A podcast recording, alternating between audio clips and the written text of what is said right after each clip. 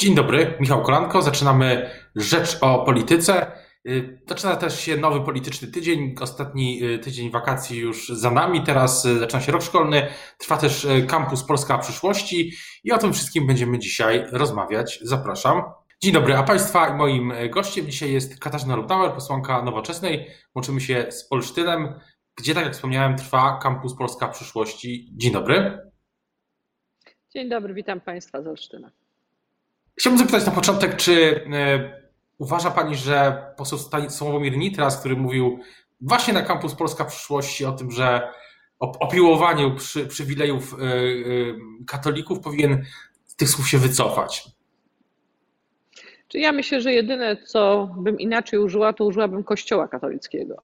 E, kwestia rozdziału Kościoła i państwa jest kwestią poruszaną od dawna przez polityków, przynajmniej tych opcji, które e, można powiedzieć nie są zależne od Kościoła w tym znaczeniu jak PiS, który w dużym stopniu wygrywa wybory dzięki e, propagandzie również toczonej w kościołach katolickich, co niestety powoduje też bardzo niekorzystny trend dla samego Kościoła, dlatego że ten Kościół, który bardzo silnie włącza się w politykę i staje po jednej stronie, staje się kościołem dla bardzo wielu członków tej wspólnoty e, nie do strawienia. W związku z tym ci ludzie odchodzą, można powiedzieć, głosują nogami, odchodząc do kościoła katolickiego. Natomiast musimy zdać sobie sprawę z jednej rzeczy, że to państwo odpowiada za, e, za to, e, na ile Kościół katolicki jako instytucja ma pewne przywileje i na ile uczestniczy w życiu politycznym. Co mam na myśli? E, większość Polaków myślę, że jednak patrzy bardzo negatywnie na fakt, że pewne decyzje podejmowane są pod wpływem opinii hierarchów Kościoła katolickiego. Co mam na myśli? Na przykład to, że nie mamy już finansowania in vitro dla par, które nie mają, które walczą z bezpłodnością nie mają inaczej szansy posiadania dzieci. E, ten program kiedyś był, był finansowany przez państwo, potem pod wpływem Kościoła katolickiego został zlikwidowany. Kolejne kwestie to są przywileje pewne Kościoła katolickiego, który posiada, a które są nieuzasadnione. Na przykład jak wchodziła ustawa Lex Szyszko, to okazało się, że są specjalne przywileje dla Kościoła katolickiego. Jak wchodziły ustawy dotyczące handlu ziemią, a właściwie ograniczenia handlu ziemią, to się okazało, że są specjalne przywileje dla Kościoła katolickiego. Pamiętamy sytuację z komisją dotyczącą majątku kościelnego, gdzie bardzo często do kościoła wracał majątek, który nie był przy tym kościele przez setki lat. Tylko pytanie, czy to nie jest tak, że to, co powiedział poseł Nitras, po prostu przykrywa, mówiąc kolokwialnie, to, co dzieje się, czy buduje dosyć jednowymiarowy wizerunek e, inicjatywy, którą e, pani i koledzy, koleżanki z Nowoczesnej współorganizują? Znaczy, trzeba zdać sobie sprawę z jednej rzeczy, że oczywiście czasami, e, jeżeli wytnie się fragment jakiejś rozmowy, to on zmienia kontekst tej chwili szczególnie, że mamy media publiczne, które chcą nadać temu, co powiedział e, Sławomir Nitras, zupełnie inny kontekst e, niż e, to, co on chciał przez to powiedzieć niż i to, co było elementem tej rozmowy. Dla nas oczywiście bardzo ważne jest, i tu chyba nikt nie ma wątpliwości, to, że państw, ścisłe związki tronu i ołtarza są szkodliwe zarówno dla tronu, jak i dla ołtarza. Jeżeli chcemy mieć państwo, które szanuje wszystkich swoich obywateli, również tych, którzy nie są zgodnie z opinią Kościoła, na przykład e, e, godni tego, żeby mogli zawierać związki partnerskie, ponieważ jak wiemy, Kościół katolicki jest zdecydowanie przeciwny temu, żeby społeczność LGBT miała prawa takie jak na przykład związki partnerskie. Jeżeli to przykładowe in vitro, jeżeli tu mamy wpływ Kościoła katolickiego, to dla mnie czymś zupełnie oczywistym to, co mówi Sławomir Nitras, który mówi, że nawet po czasach rządów PiSu, możemy spodziewać się, że coraz więcej Polaków, jak również po tych skandalach, które są związane z pedofilią w kościele, coraz więcej Polaków po pierwsze odchodzi z kościoła. Widać to bardzo silnie w przypadku młodzieży. E, my tutaj przecież przypomnę, że Campus Polska jest skierowany do młodzieży, do ludzi, którzy są od 18 e, do 35 roku życia. I my widzimy te nastroje wśród tej młodzieży.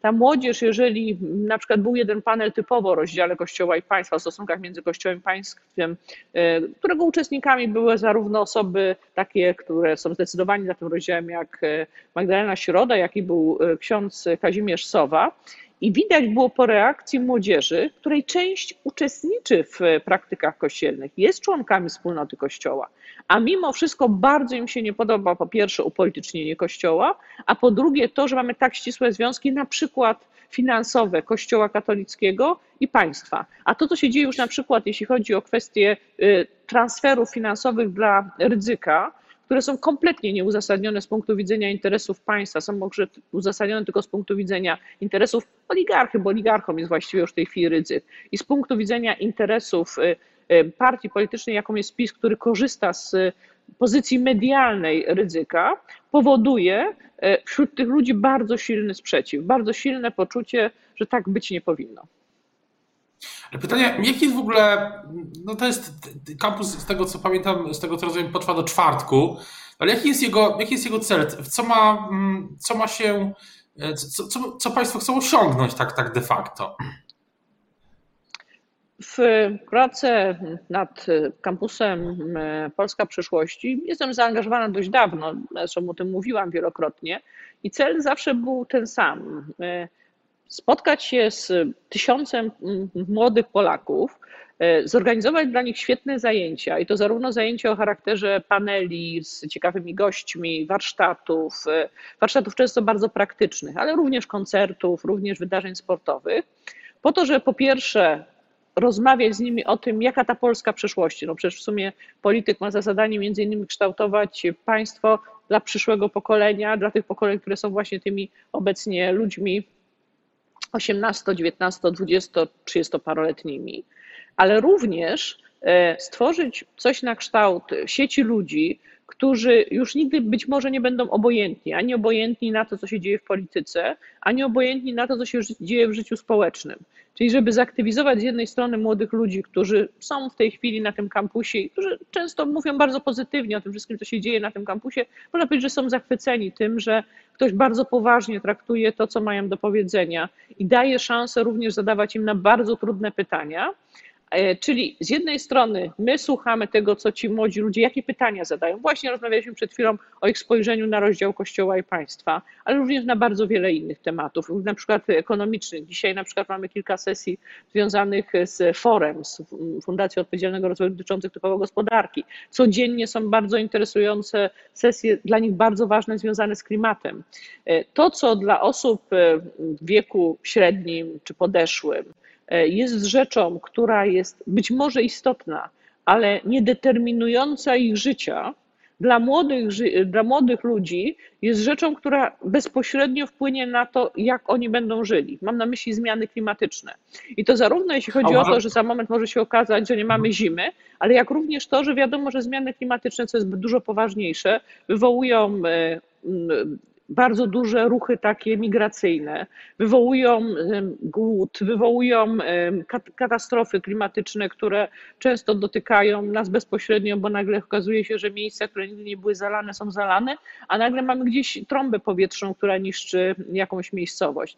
I ci młodzi ludzie, którzy tutaj rozmawiają o klimacie, o zdrowiu, o technologii, jak technologia wpływa na przykład na przyszłość społeczeństwa, na przykład to, czy w przyszłości nie zastąpią nas roboty przy wielu, bardzo wielu zajęciach, rzeczywiście mają szansę rozmawiać na tematy, które ich interesują, a nie na tematy, które często dorosłych interesują starszych, bo to też są dorośli ludzie, ale dorosłych, starszych, tych podeszłym, średnim wieku, a które z ich punktu widzenia są albo mniej istotne, albo nie tak istotne jak takie rzeczy jak kwestie technologiczne, klimatyczne. A ten kampus, e, czy... kampus będzie trwał, y, będzie, będzie potrwa, czy będzie cykliczny? Będzie, za rok też będzie? Myślę, że byłoby bardzo dobrze, gdyby takie wydarzenie było cykliczne, dlatego że y, rozmawiając tutaj z tymi uczestnikami, ja widzę, że bardzo wielu z nich uważa, że to była niesamowita dla nich szansa spotkania się z, po pierwsze z ludźmi, którzy tak jak oni podobnie są zainteresowani rzeczywistością, ale również z ciekawymi gośćmi, z którymi być może inaczej nie mieliby szansy spotkania. I jeżeli się robi coś fajnego, no to człowiek oczywiście ma taką silną pokusę, żeby to powtórzyć. A czy przechodząc do innych tematów, e, co teraz jest najważniejsze, jeśli chodzi o rozpoczęcie roku szkolnego, to za dwa, e, już wkrótce, w środę, o ile się nie mylę. Pytanie, co, co teraz jest najważniejsze, jeśli chodzi o bezpieczeństwo oczywiście? Czy jeśli chodzi o, tu jeszcze odniosę się do kampusu, dzisiaj mamy również debatę o edukacji, bo nikt nie ma żadnych wątpliwości, edukacja jest też jednym z ważnych tematów, a ci młodzi ludzie mają to, że świeżo są, że tak powiem, kończący tą edukację albo są w trakcie tej edukacji, przynajmniej na poziomie uczelni. Natomiast y, nowy rok szkolny jest rokiem pełnym wyzwań dla uczniów, rodziców, nauczycieli. I one wynikają z kilku rzeczy.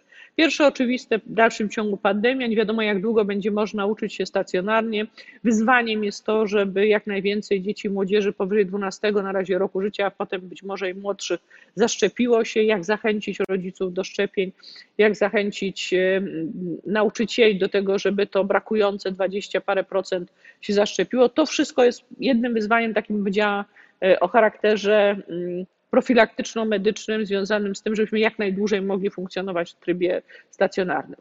Ale kolejne kwestie, które są ogromnym wyzwaniem tegorocznym e, związanym z szkołą, to jest to, że to półtora roku zdalnej edukacji spowodowało, że po pierwsze bardzo wielu, wiele dzieci ma problemy psychologiczne, psychiczne e, związane ze stresem, z tą inną formą edukacji, z poczuciem e, izolacji, z poczuciem tego, że nie ma tej wspólnoty, jaką jest szkoła, klasa, środowisko rówieśnicze. W związku z tym jest ta pomoc psychologiczna.